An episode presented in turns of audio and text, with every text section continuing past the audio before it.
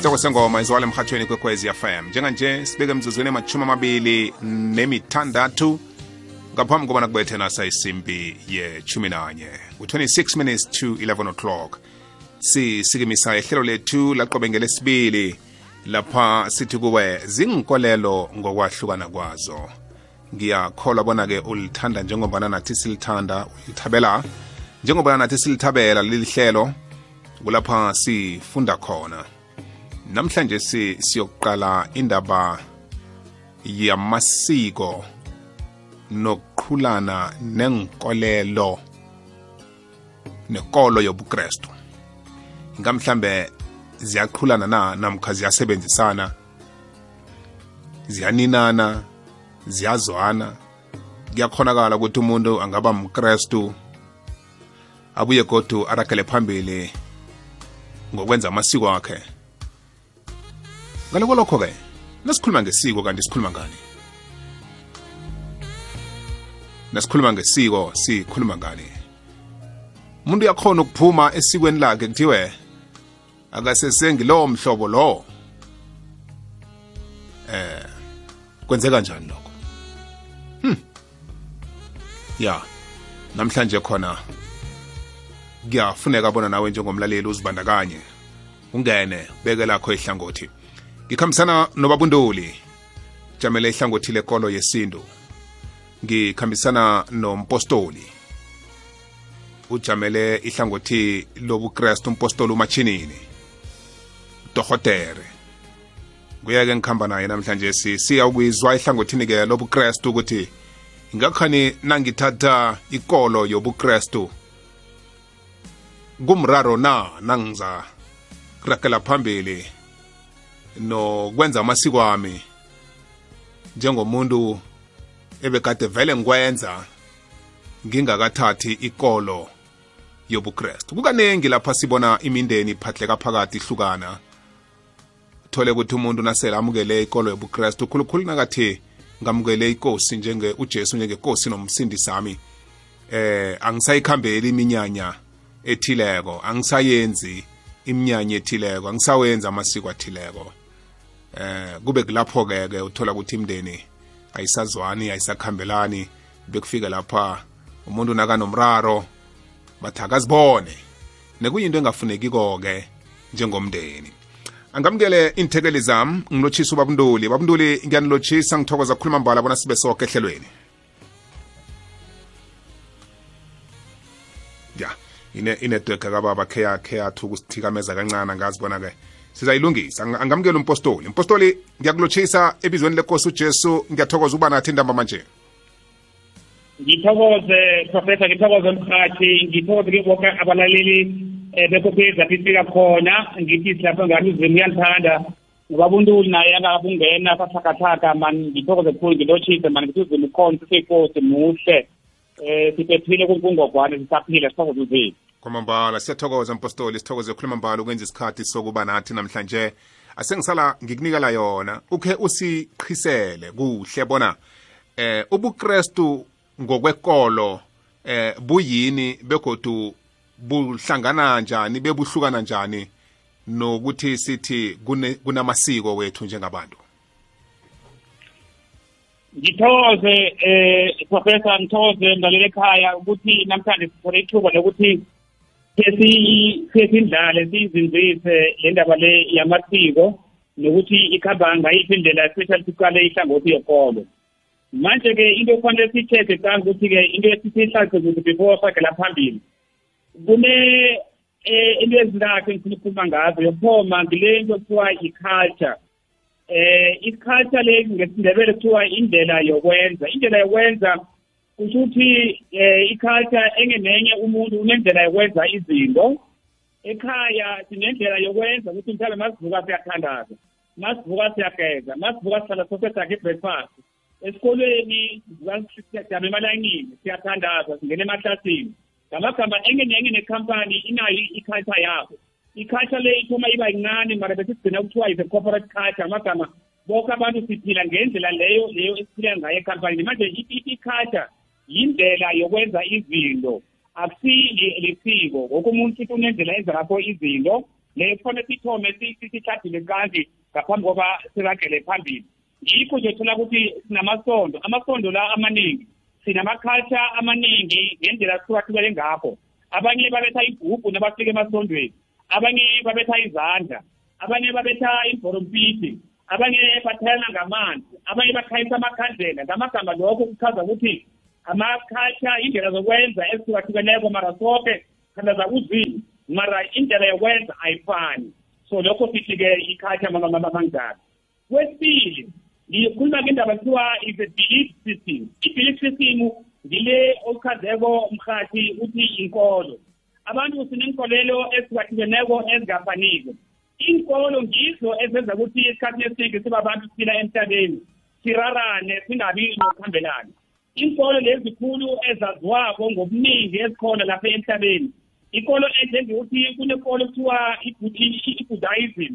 Le yakabudam le esho ukuthi laba kuNkulunkulu okhona ebebamkhonzako balandela indlela ethize njengokuthi umuntu wakhona kufanele asiphathe ngendlela efanelekileko. Ukuthi bafune ukuhlakanipha benze ukuthi umuntu angaphuma amanga benze ukuthi umuntu angembi angabulali. Lezo kokuba ngezinye zenkolelo zabo lenkolo kuthiwa i-buddhism inkolo enye ekufanele siyithethe ukuthi ngile inkolo kuthiwa ngeyama-christians abazalwana amakrestu yile inkolo ekholelwa ukuthi kukhona unkulunkulu munye lo othandazwako onesibili ufana nesani no-holy spirit. Leyo khona ukuthi ujesu kristu wafa wavuka kwaphileko uyindodana yakankulunkulu. Ngile abantu abaningi esimakresto ngobuningi esiqalekiyo kungiyo ikolo enkulu ukudlula zonke inkolo ezikhona lapha emhlabeni. Enye elandelako enkulu kuthiwa yi-judaism ngile yamahindu le yasegibhithe sorry e-india lapha-ke ama-indiya la bakhulula ukuthi kunobaham lo ophakiswa njengenkosi yabo futhi nguyo khona wenza zonke izinto lapha ezikhona emhlabeni. Mara silalele si-understande ukuthi-ke elandelayo kuthiwa le ngeyama-islam. Ama-islamu ne-judaism lezi nkolo lezi kuhle kuhle ukuthi ama-islam umntwana wokuthoma waka-abraham igama lakhe kwathiwa um ngu-ismayeli ismayeli. Umamakhe kade nguhagayi abuya endaweni yasegibhithe. Manje-ke wabe sekuthi nabamkothako wakuhamba nomamakhe uhagayi wagcina-ke naye-ke khithi i-islam leli kuthiwa bahlalele khulu bayahlobana khulu nabantu basegibhithe. Mara bobabili laba i-islam ne-judaism yilezi ezidlalwa ngu-abraham manje i-judaism le ngile esithi basikhuluma ngayo sithi bantwana bakajakobo kuthiwa ngujuda emva kolokho kuthi kwaphuma ikolo kuthiwa i-judaism ngamagama le-judaism le ibuya ebantwaneni laba eh bakajuda. Ngikho nje kuthiwa amajuda amajuyisi so ngokunjalo nabo labo bakhonza unkulunkulu weqiniso balandela imithetho elishumi bakhamba ngendlela ye-trinity father the son in the holy spirit. Ngalokho kuchaza ukuthi-ke bonke lapha-ke inkolo lezi zinkolo ezezikhona mara bethe bakhona inkolo ezincancane sihlanganise zonke ezinye zinkolo zikholela kabaphathi our ancestor abanye bakholelwa ebantwini abanye ngendlela bakholelwa bakholwa ngakho. Manje ngamagama inkolo yinto umuntu akholelwa kiyo ukuthi ngiyo ayimpilisako akusile isiko akusiyo ikhaya. Ngamagama into ethibileko manje-ke isiko sithi ngesikhuwa is a tradition. Ngile enza ukuthi thina sizazi ukuthi umhlobo bani womuntu. Ngokuthi mhlambe ngelimi olukhulumako ngokuthi mhlambe nesikhethu lesi wena uzimu asibeke kiso. Ngoba ngobuningi abantu asisazazi ukuthi sihloboni yomuntu sihlenge yiphi. Ngoba sesifuna zonke izinto ezikhona emhlabeni. Sifuna uba makhuwa ngapha sifuna uba mangisi sifuna ukuba yini into ekhona ekugcineni. Asisazi ukuthi ubuntu bethu ukuthi bukuphi yekhe ngenzeke isibonelo?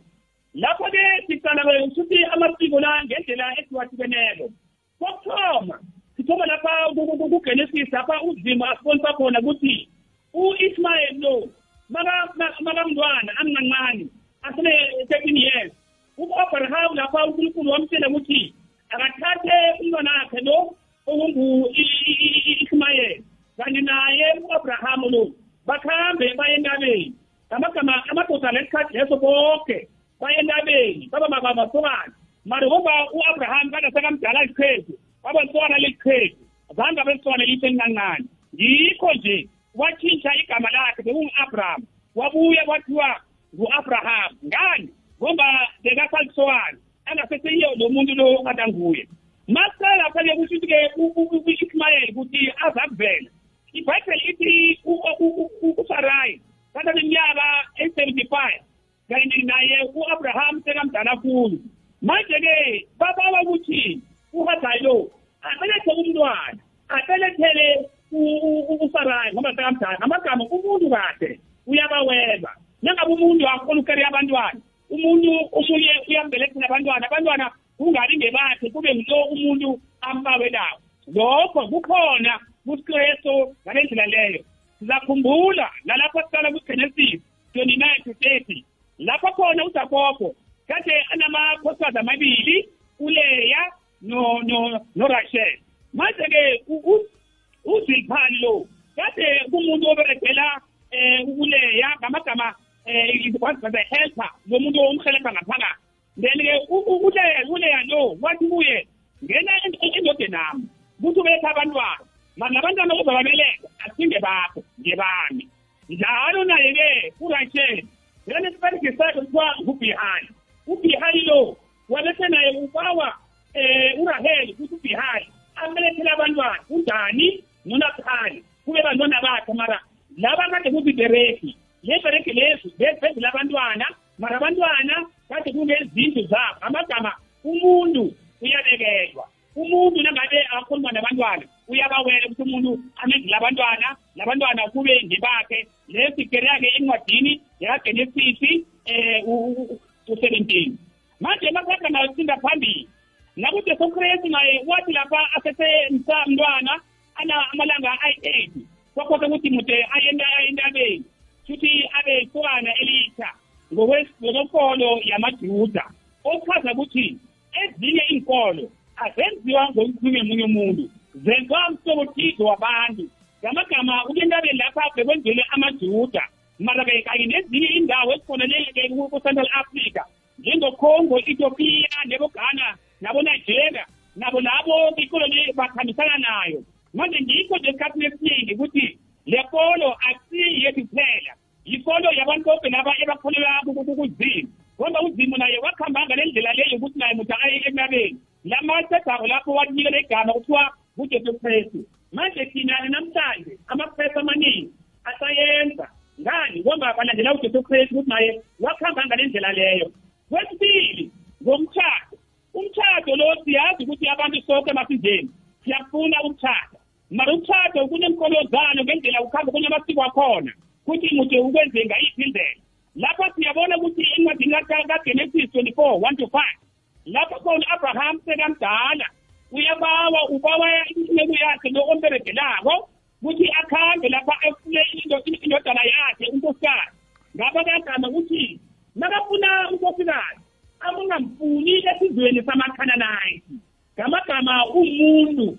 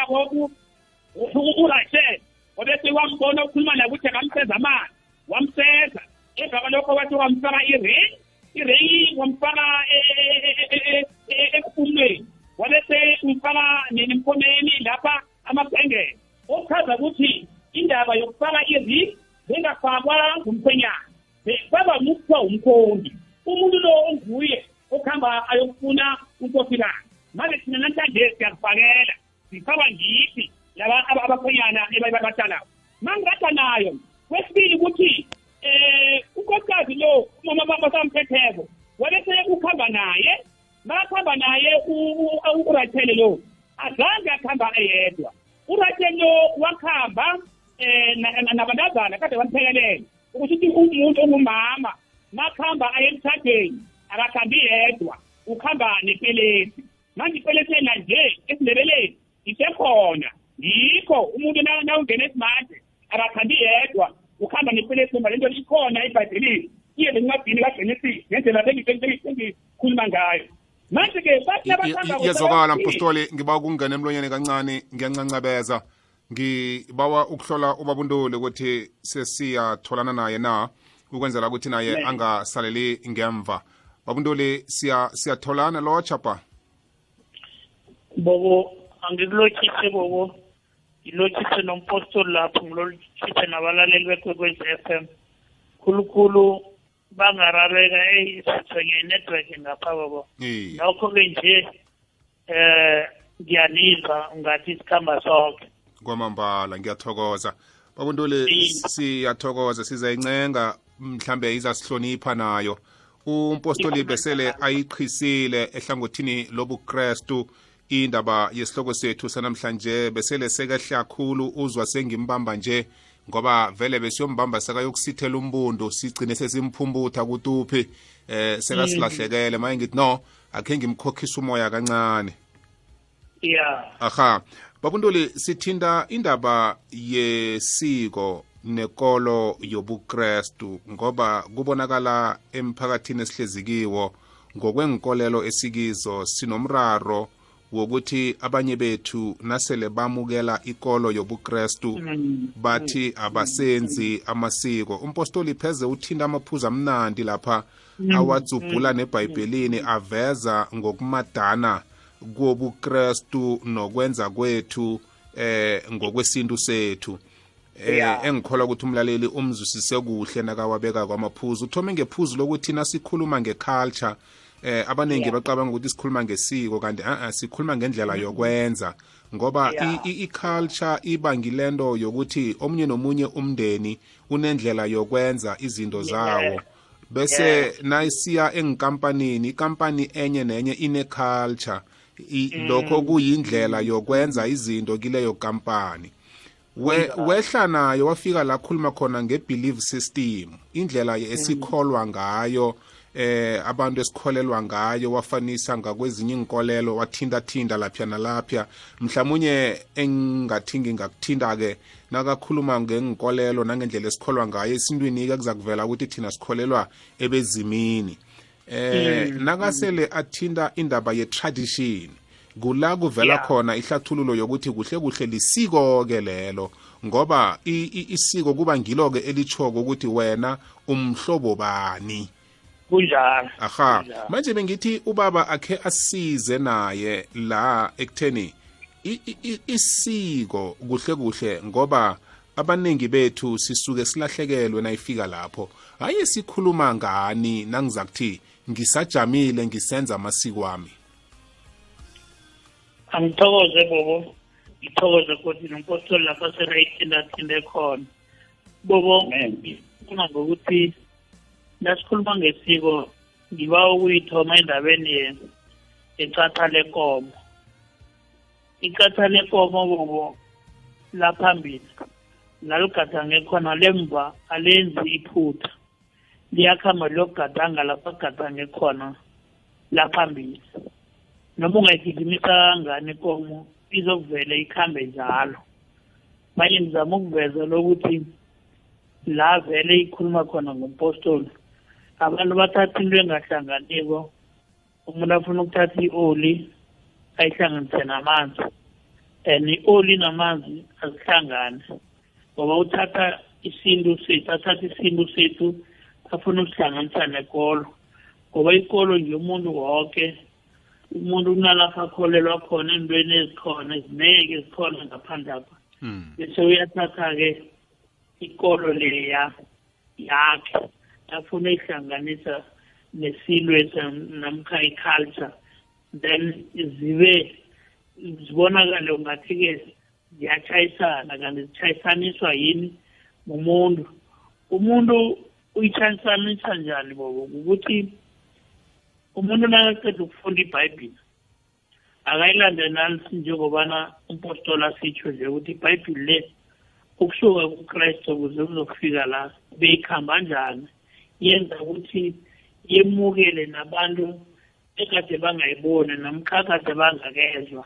Bakhona ukwemukela ngendlela umuntu layifunda ngakho nangendlela iletha ngakho ebantwini nangendlela anganyefuli namkha angahloma abantu epanda eh mkhambe ngesiko labo ebalenzayo manje usuke wathinda nendaba yokuthatha nawuthinda indaba yokuthatha ukuthatha kukhona ngesintu ukuthatha kukhona nangekwesikrist kukhona ngendlela zonke.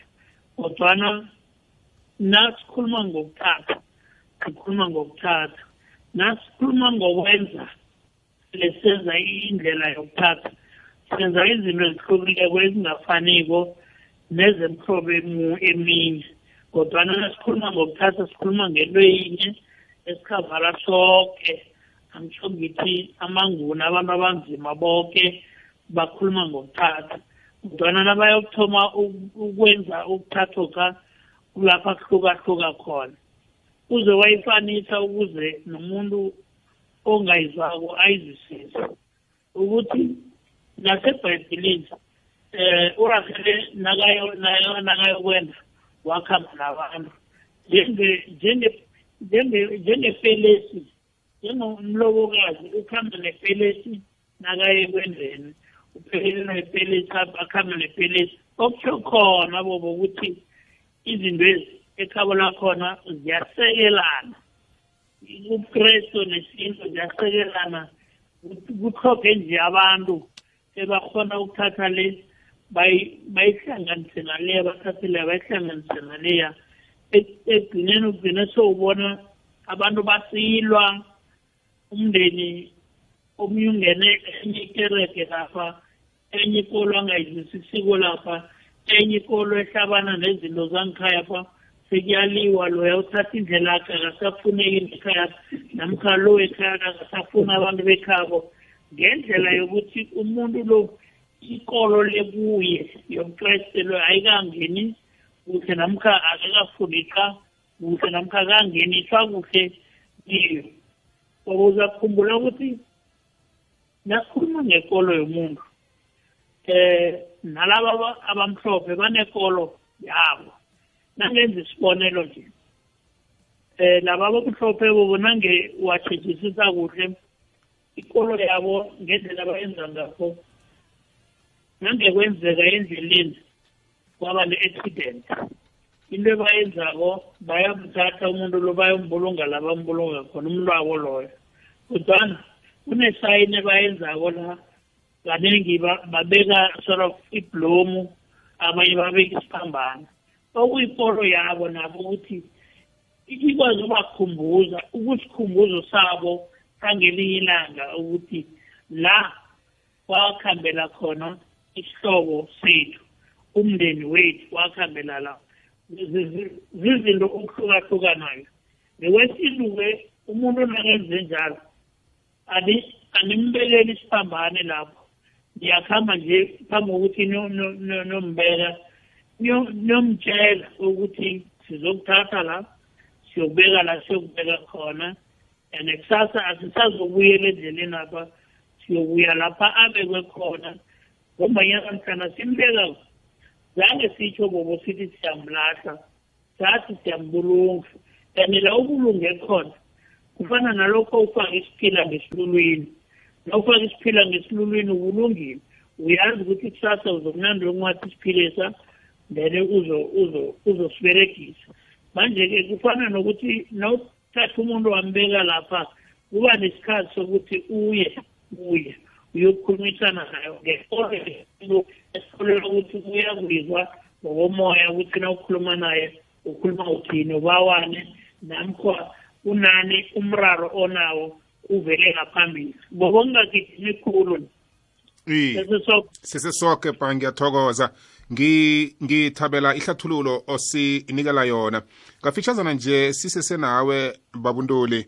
Ngifuna ukuthi mhlambe ngikuvumele ukhe uqale ihlangothi nanti lokuthi nasikharulula ibhayibheli le ngokwayo nanyana singekhe sidzubhula amavesi namkhasithini kodwa-ke nasesiqala isikopilo labantu bonke abakhona eh, ngaphakathi ebhayibhilini.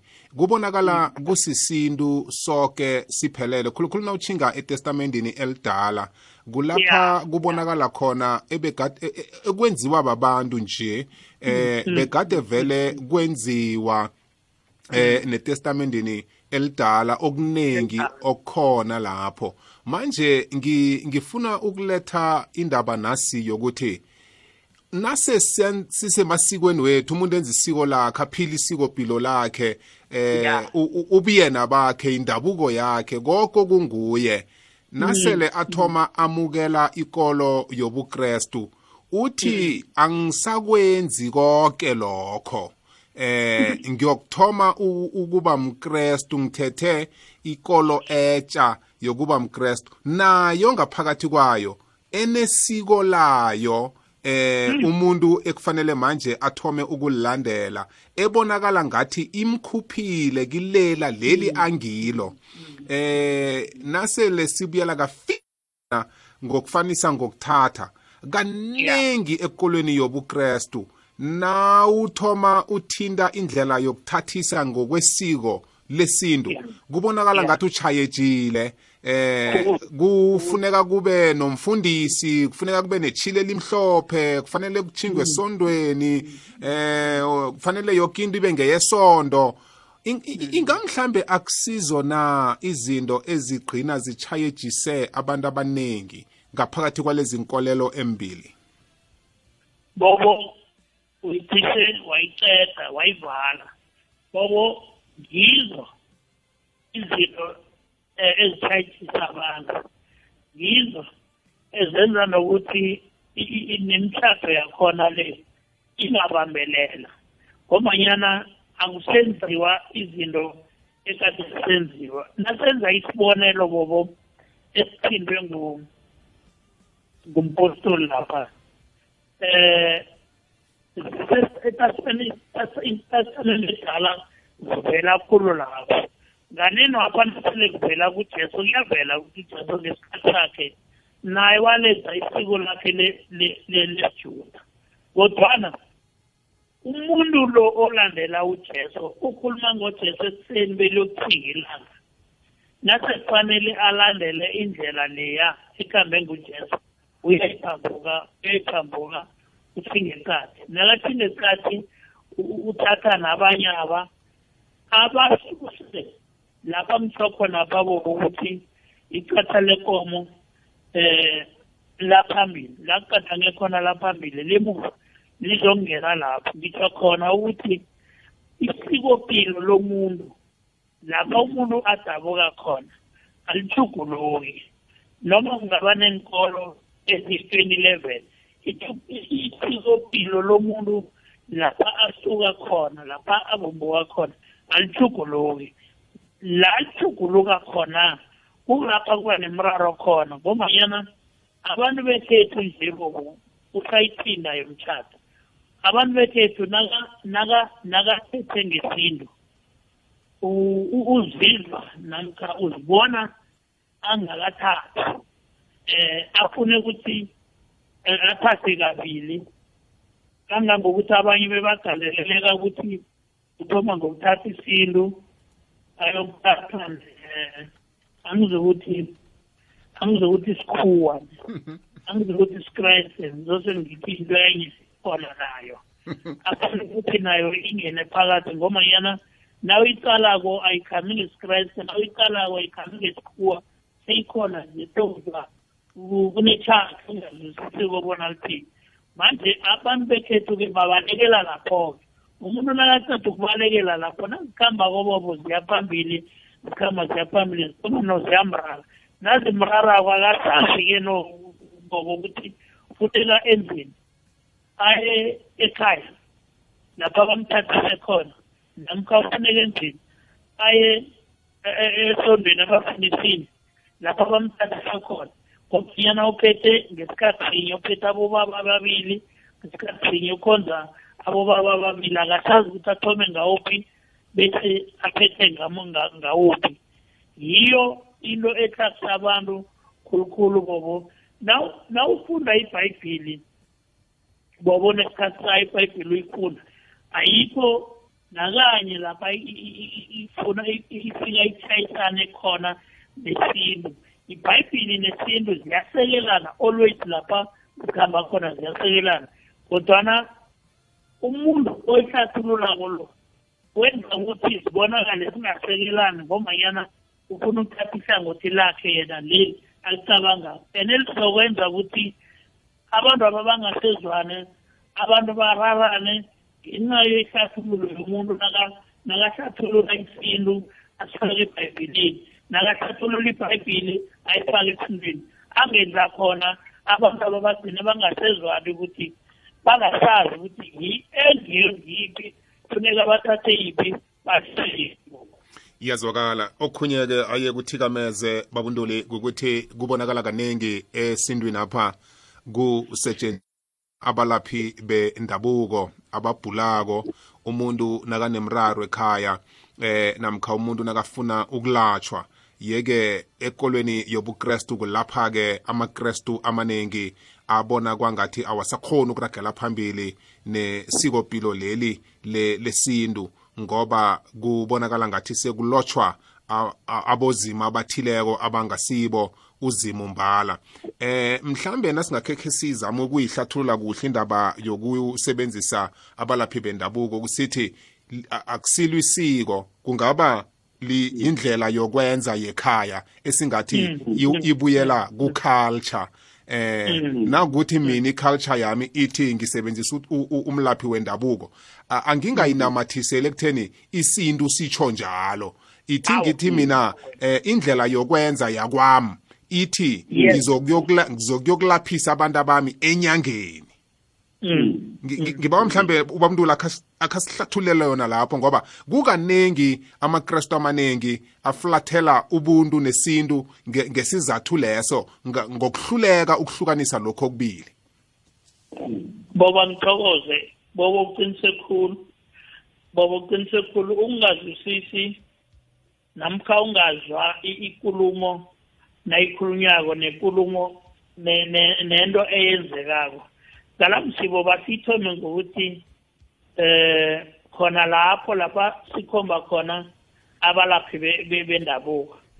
Umlaphi wendabuko uthi naka nakaphuma kobobo aya lapha ayokukhipha ayokhumuthi lapha. Umuthi ohlonywe nguzimo ayokupha umuthi lapha uba uzima ukuthi zimo ungikhambele phambili ngiyokhumuthi loya ngizopholisa umntwana kho lo. Mm. then-ke bese hlangothini elinye? Eh umuntu abonakale eh angenzi zona angamukeleki nakenza njalo. Abonakale angamukeleki umuntu akhohlwe ukuthi umuthi loyo otshalwe lapha lwa utshalwe nguzimu nawo ungwakazimu. Nomuntu lo okuhambayo uthatha lo naye ngwakazimu uthukela nguzimu naye ukuthi hamba ukuthatha umuthi loya uzosindisa umuntu wami ngalamsi akathi umlapho wendabuko lona akayokuthatha umthilo azokusindisa umuntu namkhazi ukulapha umuntu athi ngelapha umuntu wami umuntu wami ngelapha umuntu wazimu ngihelebha uzimu ukuthi umuntu wakhe loya hmm. ambumbako lo akhona ukuphila ukuya phambili nazi into elahlekela abantu hmm. umuntu uthatha ukuthi umlaphi wendabuko njengoba nangena esihweni ayo mhlambe ayokucalacala imtshanyana angayihlanganisako ukuseza umuntu umuntu aphile. Uthatha ukuthi sewenza into enye angazi ukuthi ungayibiza ithini akusese yinto e, e, nento yakazimo namkha ethambisana nokwelapha umuntu onguwakazimo obuya kuzimo obumbe nguzimo ngezandla zakhe. Sekungathi laba ngabanye abaphila enye impilo zange babumbe nguzimo. Laba abalapha abalaphi bendabuko. Azange khe bakhiwe nguzimo. Bakhiwa ngibani bona? Then bese bayayihlukanisa-ke khona lapho bobo ukuthi nasele wenza njalo awusenzi zona funeka ukuhambe ecadi umuntu lo mdagule kuwa athi ngokugula uneplani yokuthi ungamlapha uhelebhe uzima akhe lokuthi akwazi umphilela ngenxa yokuthi umuntu uzokuthi awa wena msiwenza izinto ezingasizo umuntu ahluleke ukuthi ayokuthatha umuthi loya awuhlanganise naloya bese unikela umuntu lo akwazi ukuphila. And okufuneka kwebantwini uzima nacethe ukuvumba bobo akuvuthelela umoya. Ukuvuthelela ukuthi uphile musi manje into nasi-ke yabantu yokungahlathuluki ukuthi umuntu lo umlaphi wendabuko lo naye ngwakazima mm. nakasuka alapha umuntu lo nje mm. uhelebha uzimo njengawe eh njengomkrestu angibeke njani njengomkrestu nakagucako lapho nayathandazako athandazela umuntu. Benza into yinye baberegela uzimu babo babili njengabantu ababunjwe nguzimu bobabili. And uzimu zangathi nakabumba abantu aba ebazokwenza inkolo ngokuhlukana athi mde bararane awa. Bambe lapho bamntoli bambe lapho bamntoli ngiyathokoza ngiyakholwa ukuthi yahlathululeka mlaleli ungasithumela iphimbo lakho eh ku-whatsapp number ugadangise kuhle ukwazi ukuzwakala. Uthini wena? Ingakhani ubukrestu buyaninana namasiko na? 079 413 2172 079 413 2172 inomboro yethu ye-whatsapp leyo. Thumele kuhle iphimbo lakho. Kanti-ke inomboro ongena ngayo emtatweni ku-089 1207667 impostoli angibuye ngakuwe. Bowusathinde ihlangothi lalokhuya inceku ka-abrahama nayokufunela u-isaka eh umkhamanzi. Eh akhe siyithinde lapho indaba leyo eh mpostoli khulukhulu ke endabeni yesiko eh elenziwako ngaphakathi kobukrestu ngikhuluma nge-tradition. Eh i-tradition yobukrestu ne-tradition yesintu eh kuba yini kubonakala ngathi ziyahluka ngoba omunye uthi nasele amukele ubukrestu kube ngathi wamukele isiko elitsha. Elingasamvumeli ukuthi enze isiko lakhe lokubelethwa. Mm, mm, mm. ngiyathokoza mhathi eh abuntu ngiyathokoza ngiyathokoza. Ihlathilo lakho iyazwakala. Eh ngithokoza ukuthi man into le namhlanje asihlalise inzize yabona ukosiya kuvesa nasikhuluma ngokuthi abantu bami bayahlupheka ngoba banganalwazi. Into yenza ukuthi singarabhane kuze asizwisisi asifundi kuhle. Qala ukuthi nawumkresto into eninenye uma uyenzako uyenza ngokwebhayibheli uqala ukuthi imbhalo ithini. Akhele hmm. izibonelo nje yabona lapha na uqala kugenesis 24 verse number 57 ithi njeke u-isaka wangenisa urabeka ngentendeni lapha kade kuhlala khona unina usara. Wamthatha hmm. waba mngakhe begodi wamthanda. Ngamagama hmm. ukuthi eh isaka lamthathako bamfaka entendeni nakuthiwa kunentende intende ezi ezivele zikhona. Manje yabona amandebe thithike zentende ukuthi ibhayibheleni ikhona and yikho nje isikhathi esifika abantu siconfusa indaba yokuthi i-belief system le ebhalisiyenze mhlawumbe sithi ngesikhuwa ebhayibhelini awukho labachaza khona ukuthi umthatho kufanele umfake iring kufanele into khona imhlophe lokho akukho lokho kwenziwa ngithi abantu ngokwamfolelo zethu mara ibhayibheli yona ayinako ukuninana sebabantu nje sina sizenzela zethu amakhatha ukuthi into le siyenza njani manje-ke lapha into enkulu ukuthi into yobuKristu ukuthi yonke into uma uyenzako uyenza ubawa umoya ongcwele ubawa uzimo kube nguye ohelebhako kwezizethu ukuthi uzelaya kuye yena into enjeli mayinjalo siyayi-christianalize siyenza ukuthi ikhambe kuKristu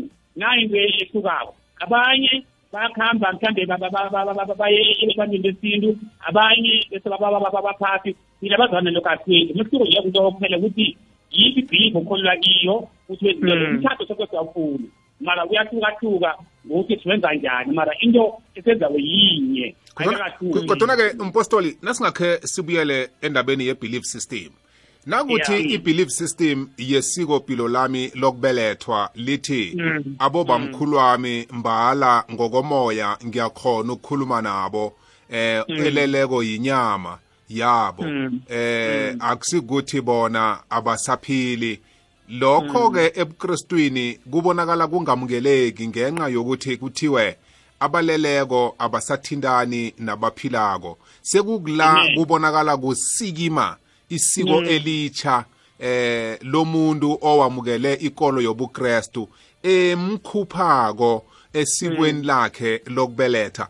And nawuqala ivesi ekhulumisa ukuthi abaleleko abasathintani nabaphilako eh yikosi uSolomoni kumchumayeli nakagade atlola lapho. Okuningi naye ngokwakhe akwenzileko nabokhokho bakhe kodwana yena nakatlolako utlola mm-hmm. uthi mm-hmm. abaleleko abasathintani nabaphilako. Ikhi sibe yena ngokwakhe ukusuka kubokhokho bakhe nakubalwako ukusuka phezulu le ukuyokwehla mm-hmm. ukuyokuthumbukela phasi ekosini udavida ukuyokwehlela kukosi ujesu kristu. Uyambona ukuthi uyabaphakamisa bokhokho bakhe nakakhulumako. Kodwana uthi thina eh encwadini ayitlolako abaphilako nabaleleko abasathindani sikhona ukuyikholwa njani imitlolo efana nale? Mhathi bawuyithathula uyabona nawuqala lapha encwadini yakamateyu um one verse number one. Lapha ujesu kristu makazozala sikhuluma ngegenealogy ukuthi the hierarchy ukuthi ngalaba ama-ancestors ukuthi bakuhamba njani? Umsamo umsamo kajesu loyo. Ya ngike bawuchaza ke mkhathi mkhathi ukuthi ngani lekhaya ukuthi bere kanjani manje ke labo siyaba siyaba mention ukuthi ubani uzola ngibani uzola ngibani isimo kwakuhamba nje mara. Akusho ukuthi nanginjalo khona ukuthi sikhonze bona yabona yikho nje yabona nakuqala uLuka 16 lapha khona uLazarus nendoda yesiqeli bathi nasebabhudileko bafika le ezulwini. Bayibheli ithi indoda lesiqeli yathi eyi wena ungaka-abraham ngina bokukolwethu lekhaya eh ngiba ukuthi nginobatshele ukuthi bajuguluke ukuthi bangangeni iphingile engenile kwathi umuntu oselapha ezulwini osengenileko akasakhona ukuyela athintane nabasemhlabeni. Wathi zikhona incwadi zabaprofeti kanye nabaprofeti abakhona ebazabuzwa ilizwi lakhe okuchaza ukuthi thina asisakhulumi nalabo bantu basemhlabeni basukhambileko umoya ungcwele siqhele ngakhuluma nawe. Hayi umuntu osoleleko ndaba ezinto mhlambe lapho akusikuthi bekalinga ukumhlathulela ukuthi akusakhonakali bona umuntu obhubhileko abuya azonichumayeza mm-hmm. ngaphandle kokuthi mm-hmm. sithole ihlathululo enembileko ethi mm-hmm. kuhle kuhle abaphilako nabaleleko abakhoni ukuthindana hayi ukuchumayezana that's right. Mkhathi no mkhathi ngalele ekhaya siqale nakanendlela leni ibhayibheli ithi uyabona kusho ukuthi umuntu makaleleko amagama usuke angakalali. Kusho ukuthi umzimba umoya wakhe uphumile kulo muntu lo olapha emhlabeni bese-ke umoya yakhe uyishinga ezulwini.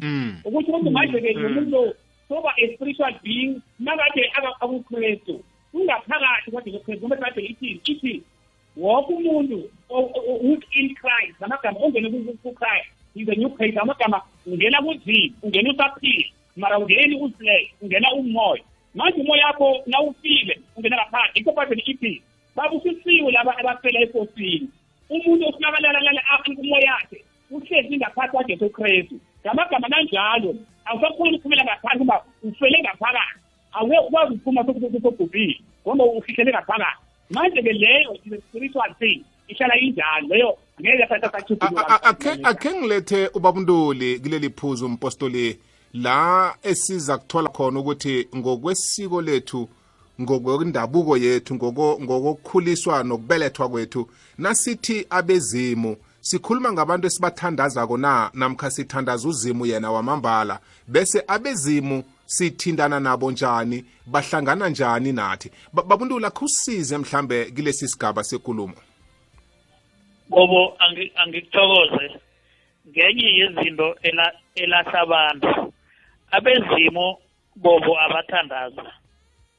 Abezimu abathandaza kuzimu munye yedwa uthandazwa umuntu wonke owambumbako abezimu sikhuluma nabo ngokomoya nangekolo yokuthi nasikhulumako nje bayasiza lapha bakhona.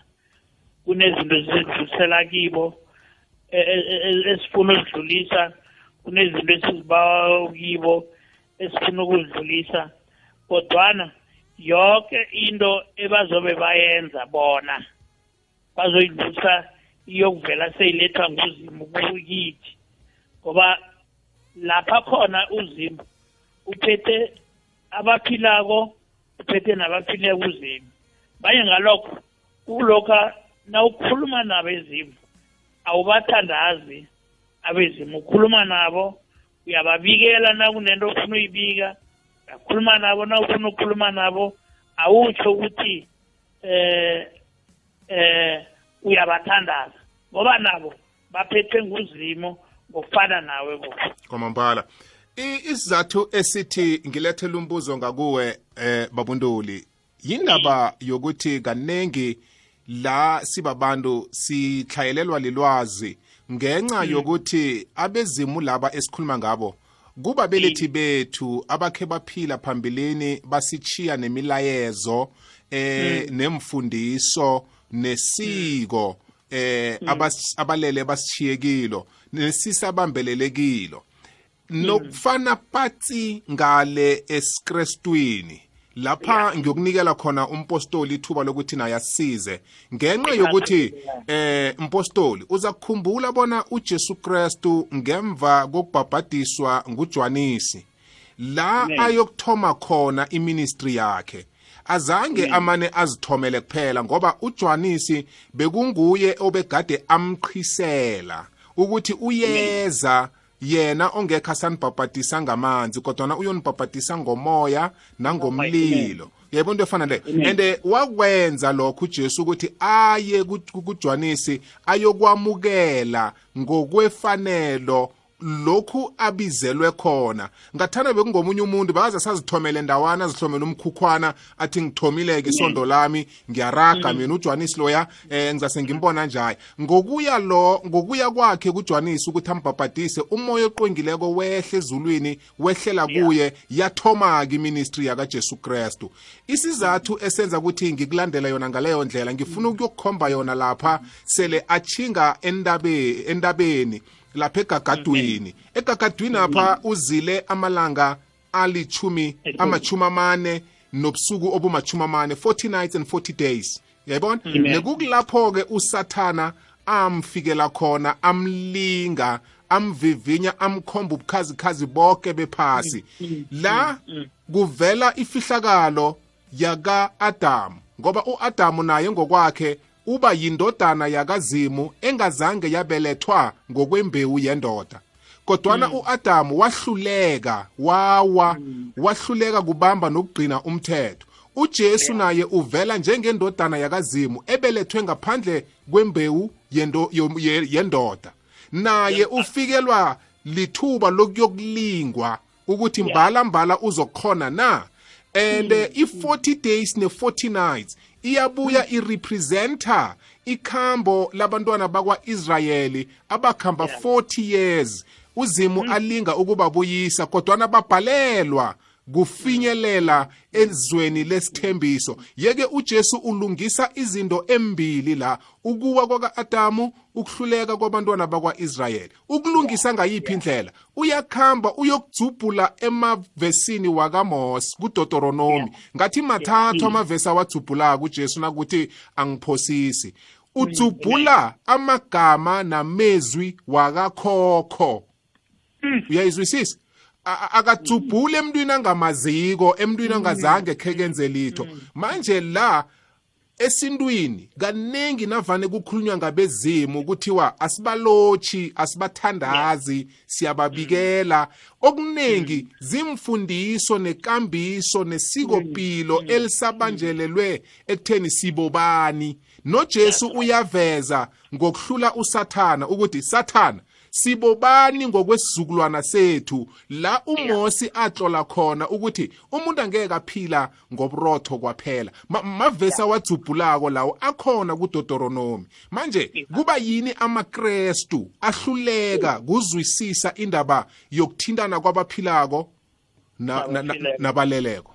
Ya mhathi ngiyathokoza mlaleli ekhaya godi uyabona sengithi angifunde le utsho lokhu usho ukuthi uMateyu 4 eh verse number 7 lapha iBhayibheli khona uJesu Kristu ithi eh kubhaliwe ukuthi eh umuntu akaphili ngokuthi kuphela kuphila ngelivi uDeuteronomy 6 verse number 16 yes. Lengile kuDeuteronomy 6 verse number 13 manje ke incwadi lezi zakaDeuteronomy zabhalwa ngumprofeti kuthiwa ngumoses incwadi kaMoses le. Yes. Manje umoses lo kuthi uNkulunkulu ku-old testament kunabaprofeti laba kuthiwa amaprofeti abancane amamanye aprofeti nabaprofeti laba abakhulu amagama ziphiwo unkulunkulu kade abaphiwe ukuthi kube babhali kube baprofeti bakhe ngamagama kade akhuluma thubona yikho nje unkulunkulu kade akhuluma nabaka-israyeli bekakhuluma through umose so okuchaza ukuthi sibabantu sinje kunzima. Uyasiberegisa ukuthi thina senza impeleko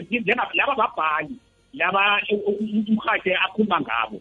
Asiba abantu nje kuphela abakhokho manje sifanele siqale ngendlela yokuthi laba baprofeti bakankulunkulu labo elijah baprofeti abo abahezekiya baprofeti njalo njalo yabona?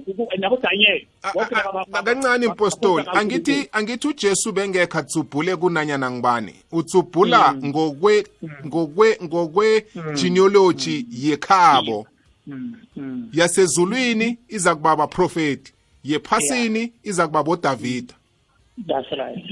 Mhathi mba uthi hlase kuhle ujesu kristu lapha makayidubhuna bekayidubhuna ayiqalise eh kusho ukuthi embhalweni ukuthi yini into ekhona ebhaliweko emhlelweni wakazimu ngoba into le bengabuyi kuye ebetheseni ukuthi ibhalwe ngubani mara futhi ibhalwe encwadini engcwele yakazimu ukuthi ibhalwe ngubani engathi ukuthi idingubani ibhaleko yabona manje ifoni sithathe ngale ndlela lelapho sayi-understand izosilahlekela sangayifuna ukuyithola ukuthi ihlolwe ngibani izosilahlekela ngoba kula kaningi uthola abantu abasabambeleleko esikopilweni labo nabathi ubamkhulu ufikile ebhudangweni wangitshela ukuthi and into leyo nasi ngiyayibona. Uyoyiphikisa njani ngoba ubamkhulu wakho uyamazi?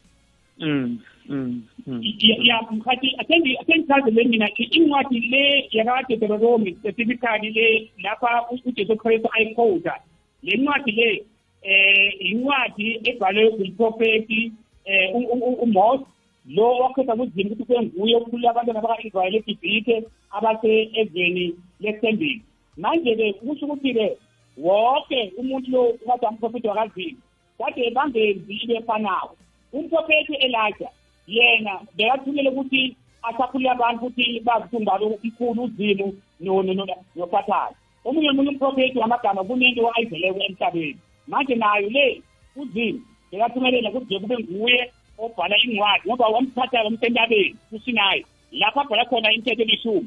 Imithetho elishumi le isho ukuthi ngiyo yodwa kuphela yabhalwako mara wabe kusawumosi kuphela ukuthi ubhale yona hhayi omunye umuntu nje kuphela okhona emhlabeni mhathi ngale ekhaya. Mpostoli mina nginguwe bengizokuvuma ukuthi iye eh mhathi uJesu iye wadzubhula kukhokho wakhe uMose eh amavesi la awadzubhulako manje manje ngiyakubona ufuna ukuyivuma. Awa jamani bawuthathu weqala mkhathi umosi um malevisi igenealogy yakajesu kristu. Iza through itribe yakajuda yabona ayikhambi amalevisi wakalevi so umos nabo-aron nabo-miriam amalevi labo yabona manje-ke ujesu kristu yena uza ngeigenealogy yakajuda ngikhulumela ngokomoya. Amen. Ukuthi ngokomoya banomosi bayazana bengekho ayitsubhuli incwadi kamosi ngathana beyangazi ukuthi ukuthi khona. Hawu bangazana. Ya bekathi ibhayibheli jesu kristu mkhathi ngalekhaya yabona ibhayibheli afiyenzako mude yoke into siyikhulumako siripele ukuthi ikuphi ebhayibhelini ngeti manjalo-ke sihamba-ke sitelela kanzima kunzima ufuna ukuthi sijubhule singezi izinto ngokucabanga kwethu ufuna kwethu. Yikho nje athi um umuntu ophilako kufanele asebenze le-order yaka-Melchizedek Melchizedek le ngilo kade ayisplit at the same time ayikosi ngani ngoba into zonke zakhe zenza kamoya oyingcwele akakulaye endlini zasemhlabeni lezi zenyama kunalapha abafundi bakajesu bakhuphukela khona entabeni nojesu. Ujesu wabachiya enza sanapha wakhuphuka wabayedwa bathina baphakamisa amehlo bambona anabanye. Ukufaka hlangana umosi ngathi ngumosi no-elijah na? Eh eh bobabili besele bangasekho ephasini aba wathina kabuyako abafundi bakhe bathi kuza kufuneka sinibethelele imtlhatlhana lapha emthathu eh munye kuza kuba ngewakho omunye lo kuza kuba ngwakamosi omunye lo kuza kuba ngwaka-elijah lokho lokho kukodwa kuyakutshengisa ukuthi ujesu eh ubonakele athindene nabantu bekade bangasekho ephasini. Lapha ibhayibheli ithi abaphilako abasanakuthindana eh nabangasekho. Siyazibuza namhlanje ukuthi ummeeting loya wabo bobathathu bekuyini bekhulunywa ngani bekuthiwani kuba yini? Ibhayibheli lingasivezeli ama-records ukuthi wathini? Bebakhuluma ngani? Eh nagada akhuluma nabo bangekho ephasini yena sesesephasini mhathi yabona sengayichaza um ivekeli yangathi abantu silemhlabeni sihlobana njani namazulu? Into esihlobanisayo yinye ukuthi eh imoya lo wakazimu ukhona kithi silamhlabeni futhi mara futhi sezulwini mara silamhlabeni ukhona kithi yasebenza ngani ngoba masikhuluma ngale seven then ten so sikhuluma eh ngale eh seven spirits of god the spirit of might of wisdom understanding the word of god leyo isaya manje ngithatha ukuthi ujesu kristu lo remember ujesu kristu umuntu omoya weza futhi amoya noma umzimba wakhe owavela kulo kanje umeri mara umoya amagama unerelationshipu nomoya into zokweza zakamoya ngoba upromota zona yabona? Yikho nje kufanele benjanga sokesikhathi manje sizithonyelani kangaka eh ukuthi sisebenze budisi kangaka sifune nokuchiyela abantu bethu into ezihle eh esiza ukuthi sele singasekho bese singasaba no nomthelela phezukwazo eh begodu ke mhlamba sithi ngithethe nginomkami. Eh umkami uza kusala lawula umzami ngendlela afuna ngayo bekungene nomunye ubaba lapho angasaba nokuthi mina ngokomoya ngiyambona. Isiko pilo lethu isintu sithi akukhonakali ukuthi lokho kungenzeka. Kodwa nasisakuthi ubuKristu ubuthi mina nangibhubhileko ngikhambile ngikhambile ngisaboni litho. Eh ngamanye amagama angekhe ngizithole eh namkha abantu abami bazithole bangasakhoni ukungihlonipha noma ngingasekho. Yeah. Mkhathi okay. Mkhathi ngaleli khaya eh uqinisile into yinye kufanele soke si-understande siphila emhlabeni. Ibhayibheli ithi size emhlabeni singakaphathi lutho. Ene siza kubuyela ezulwini singakaphathi lutho. Zonke izinto ezikhona emhlabeni ngezakazimu zenziwa nguye. Azenzela yena ngendlela yakhe. Kufane ukuthi nawuthathwe ekampanini njenge-escom uyafika lapho uspirit banikele amathulusi. Amathulusi lawo bereka ngayo slogan lapha ngaphansi e-escom mara ma utshayisa ekhaya niye-change room uyatshintsha ushiya konke lapho eh ekapeni yakho baphinde kwakho lowalapho kwezemhlabeni amagama into zemhlabeni ngezemhlabeni zenza ukuthi sikhona ukuziberegisa sizaphila emhlabeni. Manje abantu sicabanga ukuthi into ezisakuhamba nazo yikho ibhayibheli ithi kusho ukuthini ukuthi ugena umhlaba wonke mara uluze umphefumulo wakho ngoba into zonke zemhlabeni ziphelele emhlabeni.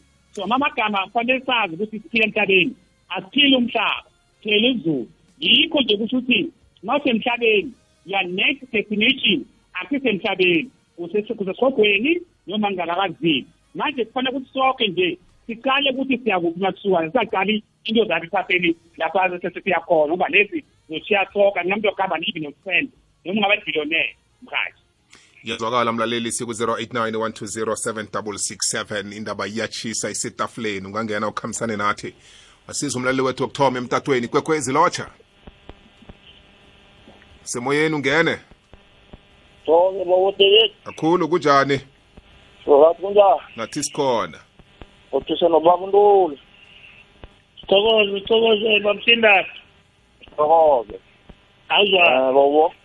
Ngizosihlanganisa nikhuluma ngesintu nikhulume ngesikolo. Yazi mina ngithi ngiyaqala njengesigaba into yokuthi isintu le sesimane ngoba siyakhuluma ngoba sike sivela sathola sinekambiso indlela esikhamba ngayo. Yazi sikuyingekho ekuphile mnake iye angabe bokusangabe into yesintu le ikhona into yokuthi bathi usisintu nomunye nomunye? Cala msakufani ngamasiko ngithi iye nami iye nginawo. Ya.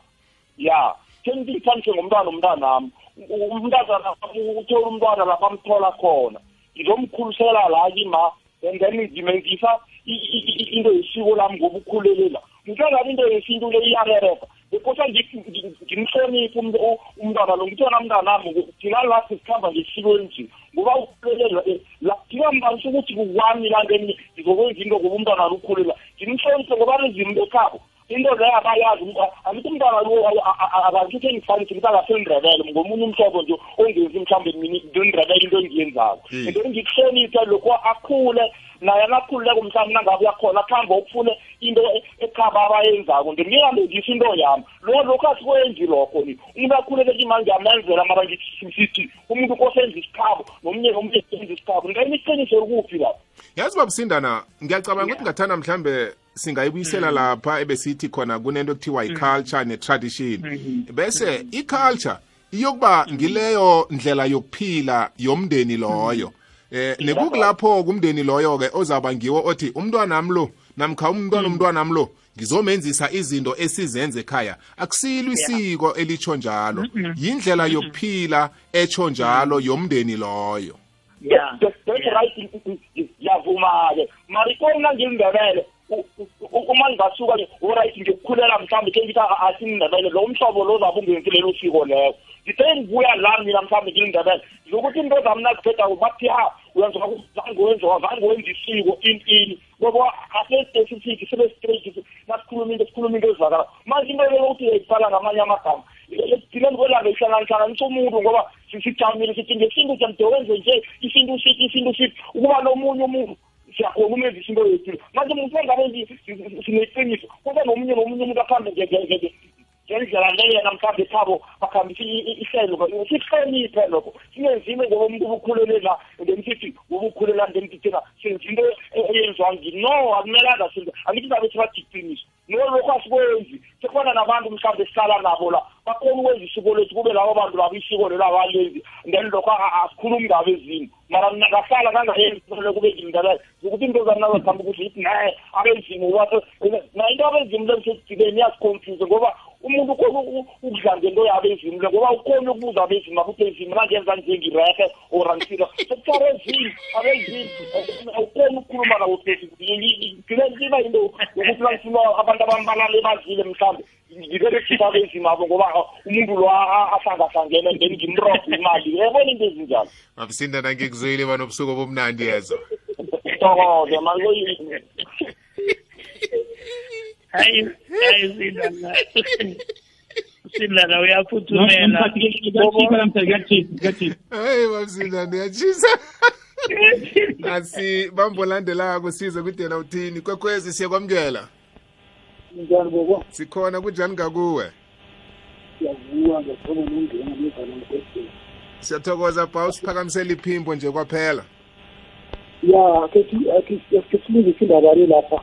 Ibhayibheli inayikhuluma-ko bobo ithi abaphilako bayazi bazokufa kodwa nabafileko akazi lutho so angazi ukuthi siyiphikise nayo ibhayibheli nayisho njalo. Futhi kwesibili nakho kuyi ibhayibheli ithi eh abantu kuzawulila icilongo bonke abasemathuneni bokuvuka.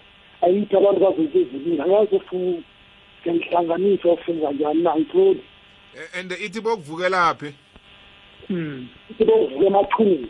Ba- bachinge ba- bachingephi ya ithi bonke abasemathuneni bokuvuka ukukhala kwecilongo bonke abasemathuneni bokuvuka. Ayithi bokubuya ezulwini. Mm. kusho ukuthi bokuvukela ephasini ane ya vele ibhayibheli ithi unkulunkulu iphathi walidalela ukuthi liphile labantu azange alidalelize abantu nabazoke ezulwini kuthi uthi unkulunkulu iphathi ulidalelize Hmm. Manje nawi nawudzubhula amavesi lawo ngi- ngi- ngifuna ukukulandela ungangichiyi ngifuna ukukulandela. amavisi la amavisi la wona khona baba nethi anokungilahlekela mara wona khona Iye, wo- wona khona siyawazi manje si asibambe ihlathululo nokuzwisisa kwakho ukuthi mhlambe wena nawuwaqalileko athini. Athi ukuthini? Ingamhlamba aqinisile namkha kunalapho bona ngathi akakahlaliseki kuhle. no wahlaliseke kuhle mina ayikho into engingayiphikise ekhulunywa nguzini ibhayibheli ngiyayikholelwa ukuthi ibhalwe nguzini so ngiyayikholelwa into ekhulunywa ibhayibheli ngoba Mm. ibhalwe nguzini iBhayibheli ibhalwe babantu. Ya bathunyelwe nguzini zange bazibhalele bona ebakufunako abaphefumulela ukuthi babhale ukuthi nokuthi nokuthi azange Na bathule nawunga babhale. nawungaqala nawungaqala igospel nasikhuluma ngegospel sikhuluma ngoMateyu ngoLukas ngoMarku ngoJohnis ma- ama ama ama amavesi ama- amane la e- e- eBhayibhelini Ya, E- etesta- ama- etestamenteni elitsha Ya. A- abantu aba beba beba ma researcher bebenza ihubhululo balandelela babuza and konke abakuhlolileko bakuhlole bakuthola ebantwini ebegade bakhona babona lokho kwenzeka. phambili Msaba- bona abantu abakade bathola laba babona ngangizwisisa kuhle. Mm. kade bathunyelwe nguzini ukuthi bakuhlole lokho uzini wenzile ukuthi lento irhatsheke irhatshekele ebantwini bonke wade bathunyelwe nguzimu ne? Ya bathunyelwe nguzini abantu ababhalele bhale ibhayibheli baphefumulele nguzini na ungayifunda ukhona umhlolesho njalo ukuthi konke abakubhalileko bathunyelwe nguzini Oh, sincancabeza sincancabeza ucundekile asibambe omunye olandelako sibone ukuthi uthini okay lapha kunabantu asichinge ku-whatsapp. Lotsha bodavid ney'thekeli zakho lapha estudio. Thokoze eh ngiba ungazisho ibizo. Nginombuzo nje. Kumanye amasonto eh kunokuthiwa mhlawumbe makwamukelwa amalungu amasha kuba ney'ncwadi ezithize ezifundwayo. Then kulezo ncwadi lezo kunezifungo ezenziwayo ezenziswa bona lawo malungu amasha lawo. Phawula nje eh esinye sesifundo kuthiwa ingabe uzimisele ukulahla amasiko kaAdam omdala. Amaphi lawo masiko kaAdam omdala? Ngiyabonga. Siyathokoza siza kunikela umpostoli mhlawumbe uzasihlathulela nakuthi uzinempendulo. Sizomunye hayi baba kunjani oh tata ngiba ugadangisegoda ukhulumela phasi. Khulumele phezulu. Loja loja bobo. Khulu. Abababa lapho nimfundisi mina ukhulumayo uyusuf ngibuya malawi. Mm. mala ngiyasonda ni musilimu mina Mm. uyayibona-ke le nto le. Then-ke banye abantu bangakhuluma ukuthi umuntu makasishiyile la emhlabeni akanansebenzi ukhuluma amanga inkosi nkulunkulu u-allah bathi fanela unhloniphe kakhulu umuntu usishiyile la emhlabeni. Makasishiyile ungezeze kahle ageze vele abe sikuni uhambe uyoncwaba kahle. Uyayibona-ke uba ukuthi ningayenzanga le nto le umbeke nedi nje bathi nkulunkulu uyalwa lento le uyayibona. Kusho ukuthi lo muntu makasishiyile la emhlabeni kusho ukuthi lo muntu lo unansebenzi uningi. Futhi uNkulunkulu uthi umuntu makasishiyile la emhlabeni unansebenzi naye uNkulunkulu uningi benkosi yena makasishiyile la emhlabeni. Una ushese niNkulunkulu uyayibona ke lento useseduse niNkulunkulu kusho ukuthi umuntu makasishiyile la emhlabeni ubalekile kakhulu. Uyabona lento wakaNkulunkulu then angeke uthi ha umuntu makasishiyile la emhlabeni akanansebenzi akana ini ha lento lenkulunkulu akayifuni. Bathi fana sihloniphe futhi lento le uyibone la. Konke kubale laba bale ini igrani amavuloveti wonke. Uyayibona ke lento isithunywa zonke zakankulunkulu abantu abantu lawo kusho ukuthi bashona kudala mara soloko sikhuluma nabo sikhuluma indaba yabo. Uyayibona ke lento akekho umuntu wasebhayibhelini olo iqurani basesekhona bayaphila bonke. Basishiyile la emhlabeni. Usele uNkulunkulu uyedwa. So angeke ungahloniphe abazali bakho labashona bese uhloniphe isithunya zakaNkulunkulu uNkulunkulu akayifuni lokho. uNkulunkulu uthi hlonipha ngicala abazali bakho. Uyayibona? Bese ke uhloniphe isithunya lesi nasituma mina. Mina uNkulunkulu number 1 uyayibona ke lento uyena ustrong kakhulu uye uNkulunkulu kuphela. Uyayibona ke lento ehe then uNkulunkulu una ini? Imithetho yakhona. Imithetho yakhona. Laba sibekela thina fana silandele yona then ke mwakahlukanisa ukuthi oh mina ingenele inkolo leyi then ifanele ukuthi ngiyekele lokho ngingayenze lokho ngingayenze lokho. Hayi ayikho lento hayi ngiyabonga kakhulu. Ya ukhuluma nowisu wasemalawi. Mina-ke ngilana i-witbank imalahleni la ifosimani sithokozile wilson. Sithokozile sithokozile. Eh ufeza ihlangothi lekolo ye-islam ngendlela ayibeka ngakhona ukuthi nakanjani umuntu ongasekho kufanele ahlonitshwe hlonitshwa khulu aka- akasathathwe njengomuntu eh ongasumphose lapha eh kufanele umbeke kuhle ngesithunzi. Asize omunye olandelayo ukuthi yena uthini? Eh David. Mnakwethu? Eh nabafundisi. Akwande. Ngibawa khe ningidluliseni la ngizwa umfundisi ukhuluma nokuthi amadlozi asiwathandazi. Kusho ukuthi njengoba thina sibabantu abanye ngi- sengikhulumela ehlangothini lami-ke mina mangiphahlako okay ngibasa impepha-ke ngibasa ngibeka phasi ngiyabasa. Mangiceda ukuyibasa mathoma seyithunya ngiyathandaza. Ngibawa uzimu cange before ngaye ebazimini ngifuna uzimu. Kube nguye ongihlanganisa nabazimu abezimu bekhethu. Kulezo zonke izinto engizibawako. Ngibawa indlela kubani? Kuzimu. Kuyi kuhuye oyisithunywa sami kubazimu kubezimu bami. Ngoba ngingakhona ukuthi mina ngihlangane nabo ngingakhona ukuhlangana nozimu. Mara into yokuthoma ngithoma ngomkhuleko ngikhulekela kuzimu. Manje umfundisi uyangirara makathi akumelange eh, eh, eh, eh, eh, u- uthi uthandaze uthi uthandaze uthandazela abaphasi njani njani? Khe ningidluliseni net lapho? No andrisi ngumike ngumachilwana kapha ngebefort west ngidlala ngemteti ngedalathona sithokozile mnakwethu yazi ube nobusuku omnandi kulezo ndawo lezo khe sibone la ukuthi sithola bani. Sithokoze bobo neyithekeli zakho. Ongapho ekwekwezini. Amen.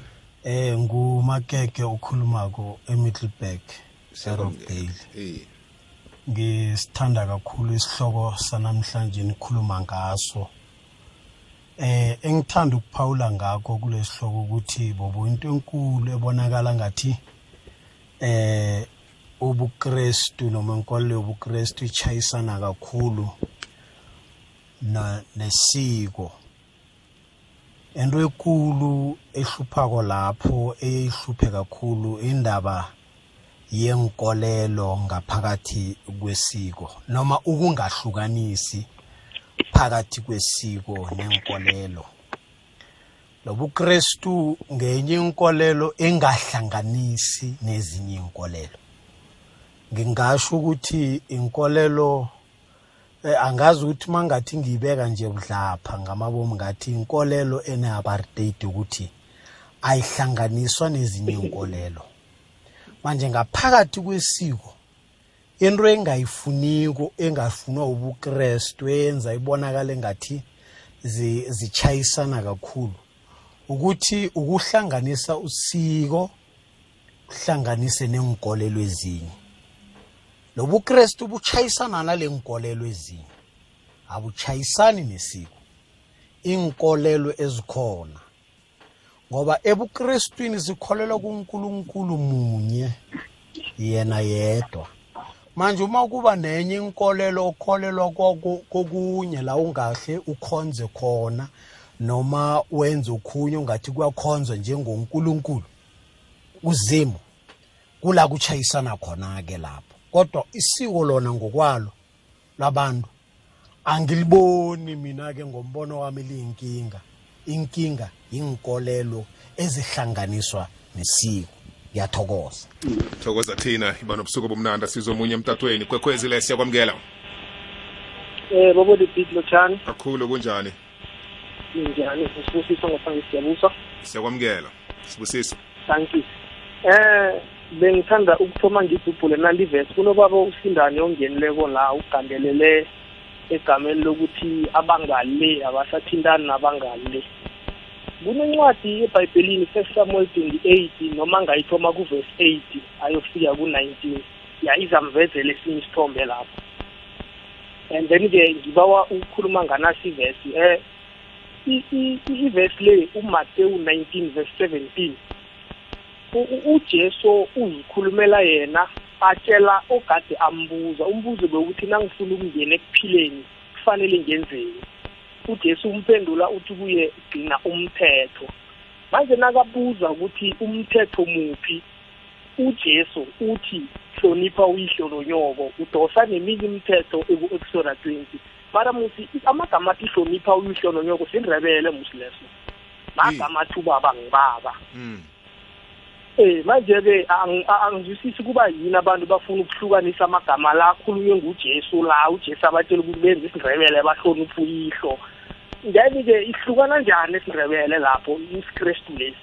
Ngoba nangujesu uyakhuluma la ukuthi nawufuna ukungena ekuphileni nawufuna ukuba nokuphila okunaphakade gcina umthetho bathi muphi ukuthi hlonipha uyihlo? Then kulanasivesi kujohane 16 verse 28 ujesu uzikhulumela yena uthi mina ngavela kubaba. Ngiza kubuyela kubaba. Umbuzo-ke uthi wena wavelaphi nokuthi uza kubuyela kubani wena la la la wavela khona?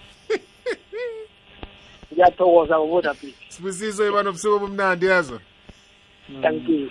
Eh, madoda. Hayi abantu bayalalela bobo. Hayi abantu balalela bamntuli. Abantu abantu abantu bayalalela and abantu bayahlukanisa. Eyi yazi yano bayahlukanisa.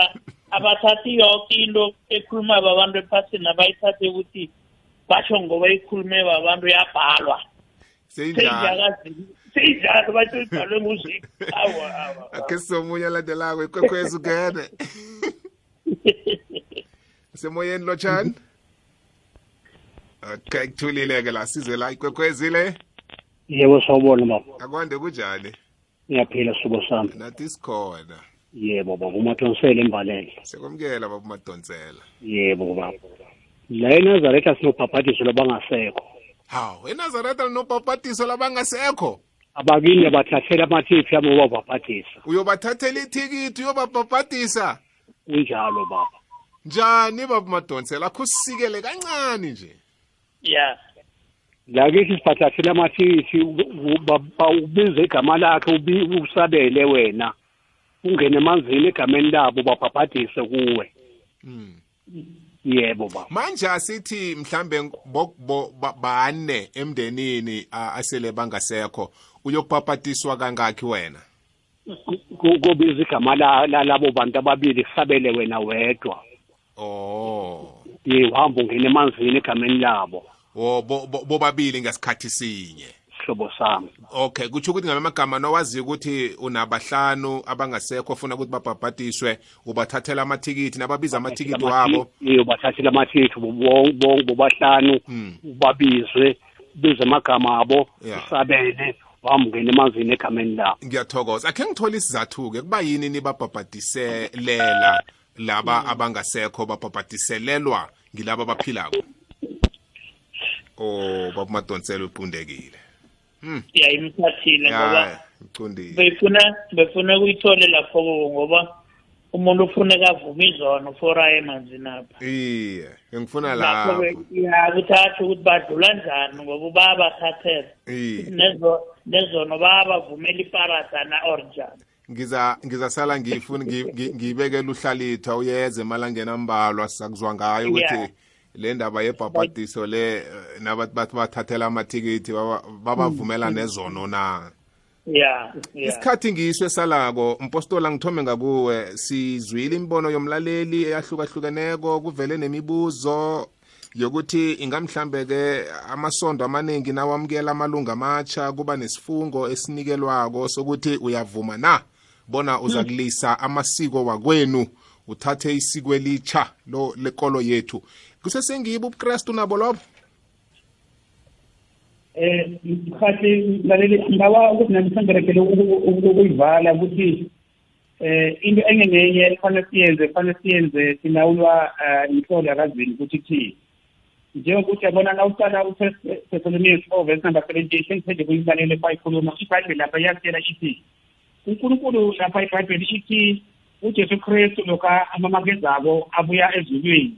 Eza nengelevu zakhe angizeni for empiti ithi abafileko laba abakukristu bazovuka canje laba abangaphakathi kuyo ithi laba abathi- abathi- abasaphilako bazakuhlangana naye emafini emoyeni ngoba ujesu umoya umuntu umoya ngoba god is a spirit.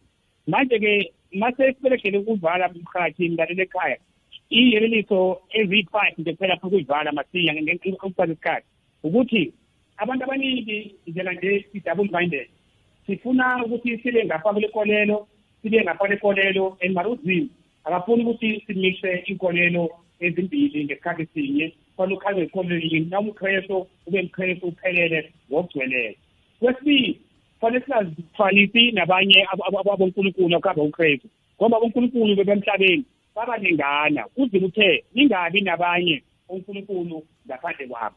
Kwesithathu uzima ufuna ukuthi apha sibe ne-understanding sizazi ukuthi sensibobani thina abantu silise ubuntu bethu sithi masiko wethu sifuna into zabanye abantu esingazaziwo zithi zikuphi. Ngamagama simuva entweni esiya esiyaziko siya entweni esingayaziko futhi yokushikisaphi ngelinye ilanga. Manje na umuntu kufanele wazi ukuthi wena ubuyaphi usiphi isizwe. Yikho nje yabona no-abraham wathi-ke wena thatha unkosikazi ungasikhana naye. Ngoba wangenza injalo. Uzoba nomraro. Yikho nje watshela no- no- no- nosolomoni athi angathathi kuma-edomite amonite leyo ku-first king kusho ukuthi na umuntu yazi ukuthi usiphi wena isizwe. Unga- ungabi ube sisholo sepoto enye ungabi vari nosokhulu kokugcina ukuthi nathi nje kufanele sicontrole wonke ama-process. Sazi ukuthi nasinje thina yinto okufanele sikhambe ngayo. Namhlanje abantu siyazenzela sikhamba phambi kwabadala sikhamba phambi kwabazili sichizela izinto ngokwethu masinenkinga sibuyela kibo ngani? Ngoba asizwisisi ukuthi indlela yokukhamba ngile ukuthi uzima kuhamba phambili kanti nabantu abadala kuhamba phambili kanti landele ngemva ngoba indlela bayazi manje ngalokho nalele ekhaya ngisho ukuthi-ke into ebalulekile ukuthi isiko lomuntu alinakinga. Then-ke into evanile mraro ukuthi nje zinkolelo kufuna ukuthi sihlahle kuhle zikhambisane Mm. inkolelo ye- ye- le ukuhamba ngayo yakazini ngiyathokoza malele ekhaya uze manibusise amen. Amen. Sithokozile mpostoli. Babuntoli singayisonga. Bobo a- angithokoze. Isikhathi ngiso sele sisala lapha. Iye. Ngingayishonga- ngingayishonga ngokuthi abantu bawabahlukanise nabafunda ibhayibhili kokuthoma bazi bona uzimo ngubani ujesu ngubani ngoba abantu sineproblem yokuthi si- si- sibenza umuntu munye and kwesibili abantu sifunde nasifunda ibhayibhili singathi ibhayibhili leyabhalwa nguzimo yonke ibhayibhili kunalapha kwabhala khona abaprofiti kunalapha kwabhala khona abafundisi kunalapha kwabhala khona ujesu. Abantu asikuhlukanise sakuhlukanisa lokho lokho asizukuchayisana nezinto e- o- obelethwe ngazo. Eh lapha bengitsho khona ngithi icatha laphambili lemva ligadanga lapha kucatha khona laphambili. Ngeze yakuraranelana injalo bobo. Ngiyathokoza. Thokozile abantoleni benobusuku omnani